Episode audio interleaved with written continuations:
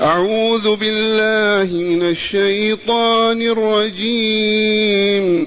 قالوا يا شعيب وصلاتك تأمرك أن نترك ما يعبد آباؤنا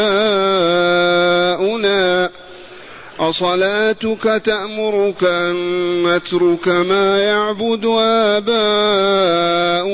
أو أن نفعل في أموالنا ما نشاء. إنك لأنت الحليم الرشيد. قال يا قوم أرأيتم إن كنت على بينة من ربي ورزقني منه رزقا حسنا وما أريد أن أخالفكم إلى ما أنهاكم عنه. إن أريد إلا الإصلاح ما استطعت. وما توفيقي إلا بالله عليه توكلت وإليه أنيب ويا قوم لا يجرمنكم شقاقي أن يصيبكم مثل ما أصاب قوم نوح مثل ما أصاب قوم نوح أو قوم هود أو قوم صالح وما قوم لوط منكم ببعيد واستغفروا ربكم ثم توبوا إليه إن ربي رحيم ودود معاشر المستمعين والمستمعات من المؤمنين والمؤمنات. قول ربنا جل ذكره قالوا يا شعيب. متى قالوا يا شعيب؟ بعد أن سمعوا ما دعاهم إليه. وهو الآيات الثلاث التي درسناها بالأمس. وها هي دي فاسمعوها. وإلى مدين أخاهم شعيبا أي وأرسلنا إلى مدين هذه القبيلة التي عرفناها من ذرية إبراهيم. أرسلنا إليهم أخاهم في النسب شعيبا. قال أي شعيب يا قوم اعبدوا الله ما لكم من إله غيره ولا تنقصوا المكيال والميزان. إني أراكم بخير. وإني أخاف عليكم عذاب يوم محيط. ويا قوم أوفوا المكيال والميزان بالقسط ولا تبخسوا الناس أشياءهم ولا تعثوا في الأرض مفسدين. بقية الله خير لكم إن كنتم مؤمنين وما أنا عليكم بحفيظ فأجابوه قائلين. وألفتوا نظركم إلى أن النبي صلى الله عليه وسلم كان إذا ذكر شعيب يقول إنه خطيب الأنبياء. ما فاز بها أي بهذا اللقب إلا هو. من خطيب الأنبياء؟ شعيب عليه السلام. لقبه بخطيب الأنبياء. قالوا يا شعيب أصلواتك؟ وقويا أصلاتك بالإفراد. قراءتان سليمتان صحيحتان. تأمرك أن نترك ما يعبد آباؤنا أو أن نفعل في أموالنا ما نشاء. وهما وهم هنا إما أن يكونوا ساخرين مستهزئين محتقرين للصلاة وشأنها كما تعرفون الهابطين الساقطين من فاقد العقول البشرية يسخرون من الصلاة ومن أهلها. أصلاتك أصلواتك التي تصليها الليل والنهار وكان يكثر من الفرائض والنوافل. تأمرك أن نترك ما يعبد آباؤنا من تلك الأصنام والتماثيل التي يعبدونها تقربا بعبادتها إلى الله عز وجل. كأنهم يعيشون عصر أمة الإسلام في قرونها الهابطة من القرن الرابع إلى اليوم. وهذه الكلمة سمعناها ويقولها الهابطون. المصلي صلاته هي التي تقول له كذا وكذا. سخرية واستهزاء. أصلواتك تأمرك أن نترك ما يعبد آباؤنا؟ ونتبعك ونمشي وراءك ولا نعبد آلهة عبدها آباؤنا وأجدادنا للفوز والظفر بما فيها وما عندها من الخير. إذ لا يعبدونها إلا طمعا ورجاء في الخير ودفعا للشر. إنهم يتقربون بها إلى الله كما يفعل جهالنا من زيارة القبور والوقوف عندها والتبرك بها وبدعائها والاستغاثة بها لا يعتقدون أنهم يعبدونها يعبدون الله ويتوسلون بهذه إليه. وضع كامل كأنهم اليوم. أتأمر أصلواتك تأمرك أن نترك ما يعبد آباؤنا وأن نفعل في أموالنا ما نشاء لأنهم ندد بالتطفيف في الكيل والوزن وبصد الناس في الطرقات وبالمكس الذي يأخذونه وبنشر الذهب والفضة بالمناشير ليسقط منها شيء حتى يأخذوها.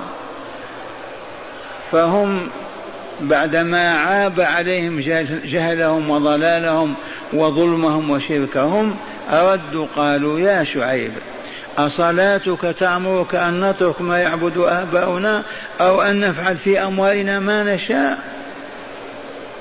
إنك لأنت الحليم الرشيد. ولا شك أن هذا من باب السخرية أوضح. لأنت الحليم الرشيد. والحليم ذو الحلم ذو الحلم الذي لا يعرف الحماقة ولا السفه. والرشيد الذي لا يعرف السفه أيضا.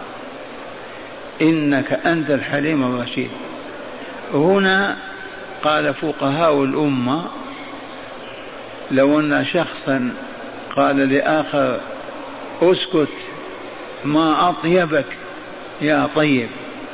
في حال الغضب يقام عليه حد القذف لأنه ما أراد به أن يمدحه بالطيب أراد أن أراد أن يعرب عن ما يعتقده فيه من أنه يأتي الفاحشة.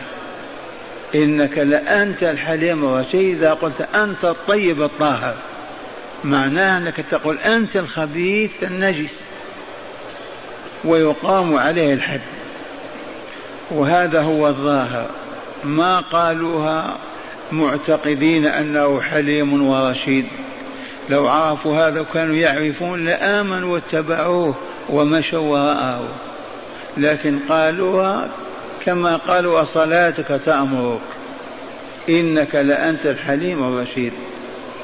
بما أجابهم الخطيب العظيم قال يا قوم أرأيتم أخبروني إن كنت على بينة من ربي؟ على علم بربي وبصفاته وأسمائه وعباداته وشرعه ومحابه ومساخطه وما أعد لأوليائه وما أعد لأعدائه على علم ورزقني منه رزقا حسنا. إذ كان عليه السلام ذا مال وذا فضل من فضل الله تعالى. ما كان بينهم فقير ولكن هو كان من أغنيائهم. ورزقني منه رزقا حسنا أولا. وما أريد أن أخالفكم إلى ما أنهاكم عنه. ليس مقصودي إذا نهيتكم عن عبادة هؤلاء الأصنام والتماثيل القبور أنني أعبدها دونكم. ولا إذا نهيتكم عن تطفيف الكي والوزن وبخس الناس أنني أفعل ذلك لأستغله وأنال هذا وحدي. هذا ما يخطر بالبال أبدا. إذا إن أريد إلا الإصلاح ما استطعت فقط. آمركم بما أمركم الله به من عبادته وحده واتباع شرعه ووحيه وما أنزله على رسله وأنهاكم عن كل ما حرم الله من المحرمات منها تطفيف الكيل والوزن وبخس الناس حقوقهم. كل هذا ما أريد به إلا الإصلاح. ولكن في حدود طاقتي وقدرتي ما استطعت. إلا قدرة لي أبدا أن نهديكم أو أن نصلحكم ولكن أعلمكم وأبين لكم وأوجهكم في حدود ما أستطيع. والله ما لي هم ولا قصد إلا هذا. هذا رد عليهم لما قالوا إنك لأنت الحليم الرشيد. قال يا قوم أرأيتم إن كنت على بينة من ربي؟ ما أنا بجاهل أنا على علم بربي بأسمائي وصفاته على علم بمحابه ومكاره وما أعد لأوليائه وما أعد لأعدائه على علم واضح ورزقني منه من فضله وإحسانه رزقا حسنا. وما أريد أن أخالفكم إلى ما نهاكم عنه. حاشاي أنا أنهاكم عن شيء وأفعله. من أجل أستغل الثمرة أو الفائدة. ولكن ماذا أريد؟ أريد الإصلاح فقط. أن أصلح فاسدكم. والفاسد هو القلوب التي أدبرت عن الله وأقبلت إلى الأوثان والأصنام الأعمال الفاسدة التي تركت شرع الله وأصرت على المنكر والباطل والتلصص والجريمة والخيانة والكذب. ما استطعت. وأخيرا وما توفيقي إلا بالله. أنا راغب أنا حاب هذا عازم عليه. أفعل أفعل ولكن في حدود طاقتي وأنا موقن أن توفيقي يكون بيد الله. إن وفقني فذاك وإلا فلا ألام. إذ بذلت جهدي وما في استطاعتي. وما توفيقي في هذه الدعوة وفي هذا الخير والذي وهبني إلا بالله. عليه توكلت وإليه أنيب. عليه لا على غيره عليه لا على سواه. اعتمدت وفوضت أمري وإليه وحده أرجع إليه في محاجاتي ومطلبي وما أريده. أرجع إليه تائبا منيبا. ليس لي إلا الله. وهم لهم أصنام وتماثيل بالعشرات. ثم قال لهم أيضا ويا قوم لا يجرمنكم شقاقي أي لا يحملنكم شقاقي. وخلافي ونزاعي بيني وبينكم على أنني أنا في واد وأنتم في واد أنا أعبد الله وحده وأنتم تعبدون وتشركون.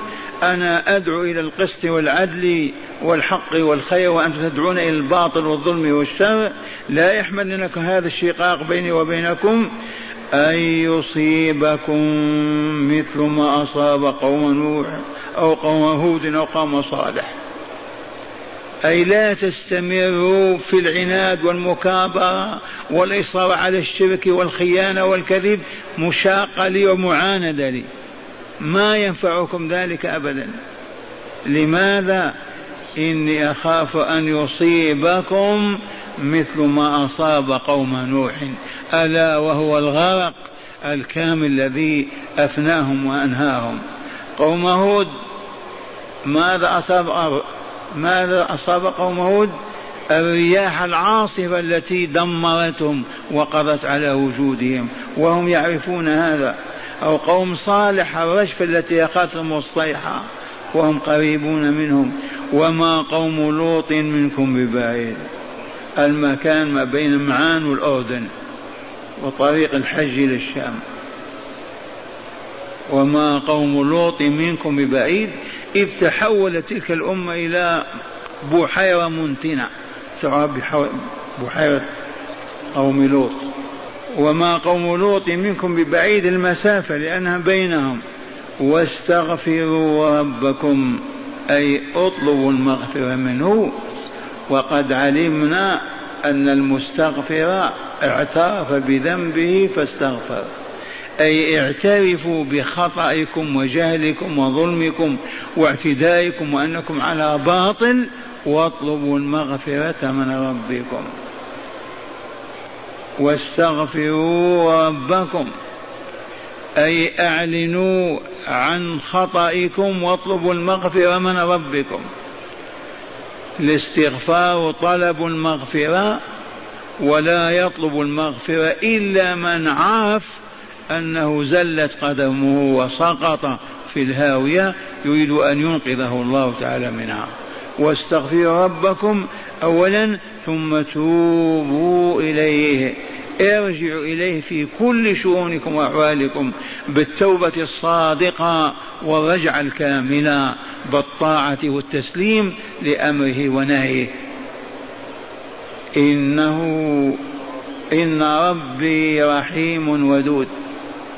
ما يغلق الباب في وجوهكم وقد قرعتموه ما يصدكم عن سبيله وقد طلبتموه هذا السبيل. لا ترفعوا أيديكم وإليه ويردها خائب أبدا لأن من صفاته أنه الرحيم الودود الذي يحب المحبين ويقبل توبة التائبين ويدنيهم ويقربهم ويحبهم لأنه ودود. هذه كلمات شعيب الليلة وغدا أيضا كلمات أخرى.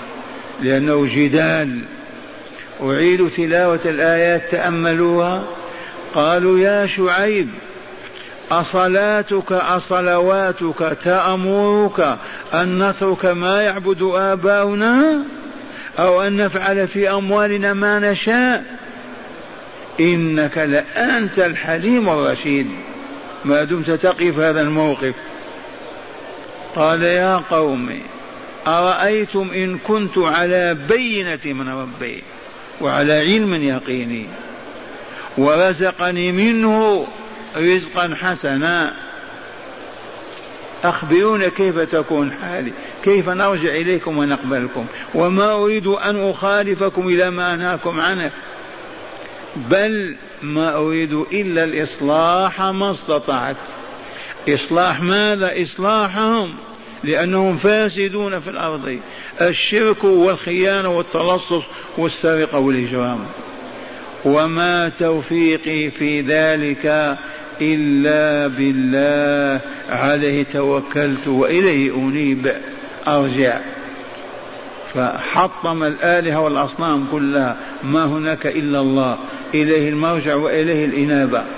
ثم قال لهم ويا قوم لا يجرمنكم شقاقي أي لا يحملنكم شقاقي أن يصيبكم مثل ما أصاب قوم نوح وقوم هاد وقوم صالح من العذاب الدائم. لا تستمروا على العناد والمكابرة والشقاق وتجعلون من الخلاف بيني وبينكم سببا لإهلاككم. توبوا إلى ربكم وارجعوا إليه في صدق. قولوا لا إله إلا الله شعيب رسول الله وامشوا وراءه فأحلوا ما أحل وحرموا ما حرم. قبل أن ينزل بكم العذاب المحيط وما قوم لوط منكم ببعيد واستغفروا ربكم ثم توبوا إليه. اعلن اعلنوا عن خطأكم وجهلكم وقولوا نستغفر الله ونتوب إليه وارجعوا إليه بفعل ما يحب وترك ما يكره. ذي نصيحة إليكم إن ربي رحيم ودود. ما يردكم أبدا إذا قرعتم بابه وطلبتم رضاه لأنه رحيم ودود. إن شاء الله تبين لكم معنى الآيات واضحة. إليكمها مشروحة في الكتاب. تأملوها. معنى الآيات ما زال السياق الكريم في الحديث عن شعيب عليه السلام. عليه السلام أليس رسول الله؟ بلى من الرسل ومن رسل العرب. مع قومه أهل مدين إنه لما أمرهم بعبادة الله تعالى وحده ونهاهم عن نقص الكيل بالوزن وبخس الناس أشياءهم والسعي في الأرض بالفساد إذ كانوا يكسرون الدراهم وينشرونها بالمنشار ويقطعون الطريق ويصدون عنها فزو فردوا عليه قوله بما أخبر تعالى به عنهم في قوله قالوا يا شعيب أصلواتك تأمرك أن نترك ما يعبد آباؤنا أو أن نفعل في أموالنا ما نشاء؟ إنهم بهذا الخطاب ينكرون عليه نهيه لهم عن عبادة الأوثان والأصنام التي كان التي كان يعبدها آباؤهم من قبلهم كما ينكر عليهم نهيه لهم عن نقص المكيال والميزان وبخس الناس أشياءهم وأمروا إياهم بالتزام الحق والعدل في ذلك. ينكرون عليه نهيه لهم وأمره إياهم ويسمون ذلك وينسبون ذلك إلى كثرة صلاته فهي التي في نظرهم قد أصابته بضعف العقل. وقلة الإدراك. أعيد هذه الآية. يقول إنهم بهذا الخطاب ينكرون عليه أي على شعيب. ينكرون عليه ماذا؟ نهيه لهم عن عبادة الأوثان والأصنام التي كانوا يعبدونها كان يعبدها آباؤهم من قبلهم كما ينكرون عليه نهيه لهم عن نقص المكيال والميزان وبخس الناس أشياءهم وأمرهم ب وأمره إياهم بالتزام أي ينكرون عليه أمر إياهم بالتزام الحق والعدل في ذلك. ينكرون عليه نهيه لهم وأمره إياهم ويس ويس وينسبون ذلك إلى كثرة صلاته فهي التي في نظرهم قد أصابته بضعف العقل وقلة الإدراك. أصلواتك تأمرك. وقولهم له إنك لأنت الحليم الرشيد. إنما هو نهي إنما هو نه إنما هو تهكم واستهزاء منهم. لا أنهم يعتقدون حلم شعيب ورشده وإن كان في الواقع هو كما قالوا والله لحليم رشيد.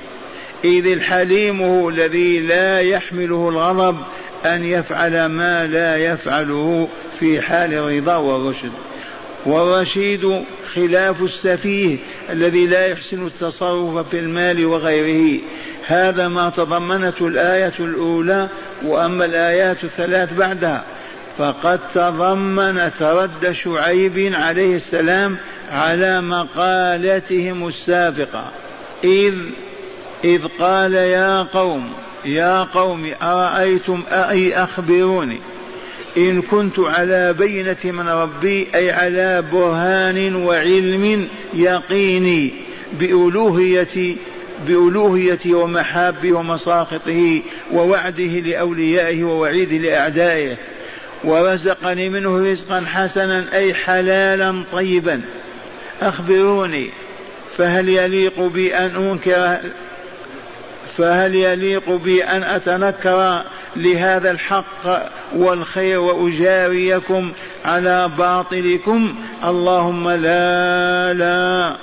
وشيء آخر وهو أني ما أريد أن أخالفكم إلى ما أنهاكم عنه فإني لا أمركم بتوفية الكيل والوزن وأنقصها ولا بترك عبادة الأوثان وأعبدها ولا أنهاكم عن كسر الدراهم وأكثرها فأكون كمن يأمر بالشيء ولا يفعله وينهى عن الشيء ويفعله فيستحق اللوم والعتاب. ونزع الثقة منه. وعدم اعتباره فلا يؤخذ بقوله ولا يعمل برأيه. وأمر آخر وأني أريد بما أمرتكم.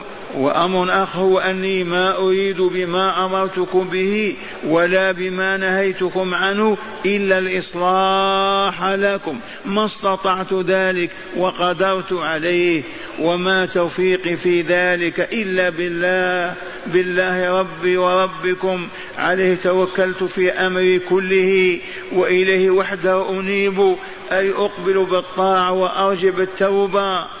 ثم ناداهم محذرا إياهم من اللجاج والعناد فقال ويا قوم لا يجرمنكم أي لا يحملنكم شقاقي أي خلافي على الاستمرار في الكفر والعصيان فيصيبكم عذاب مثل عذاب قوم نوح وهو الغرق أو قوم هود وهو الريح المدمرة أو قوم صالح وهو الصيحة المرجفة وما قوم لوط منكم ببعيد في الزمن والمكان. وقد علمتم ما حل بهم من دمار وخراب. أي لا يحملنكم شقاقي وعداوتي على أن ينزل بكم العذاب. واستغفروا ربكم مما أنتم عليه من الشرك والمعاصي ثم توبوا إليه بالطاعة.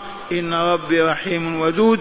لا يعذب من تاب إليه ودود بحب من أتى من أناب إليه. إن شاء الله المستمعون والمستمعات فهموا. تدارسنا الآيات. هداية الآيات. إذ كل آية تحمل هداية. تهدينا إلى أين؟ إلى الطريق المستقيم حيث رضا الله والجنة دار النعيم.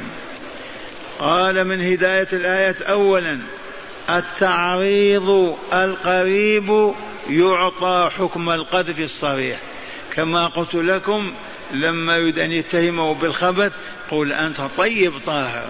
فهو يريد بهذا أن يسبه بالعيب بالخبث فقولهم إنك لأنت الحليم الرشيد. هذا معناه لو كانوا آمنوا بحلمه ورشده لما كفروا به ولما عصوا وخرجوا عن طاعته.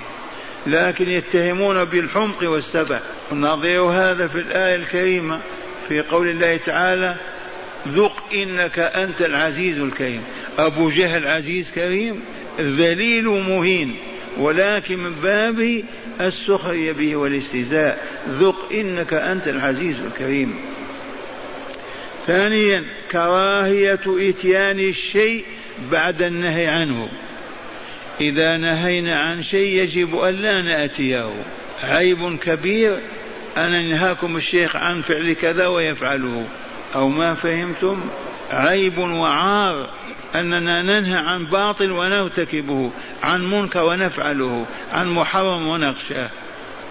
من أين أخذنا هذا؟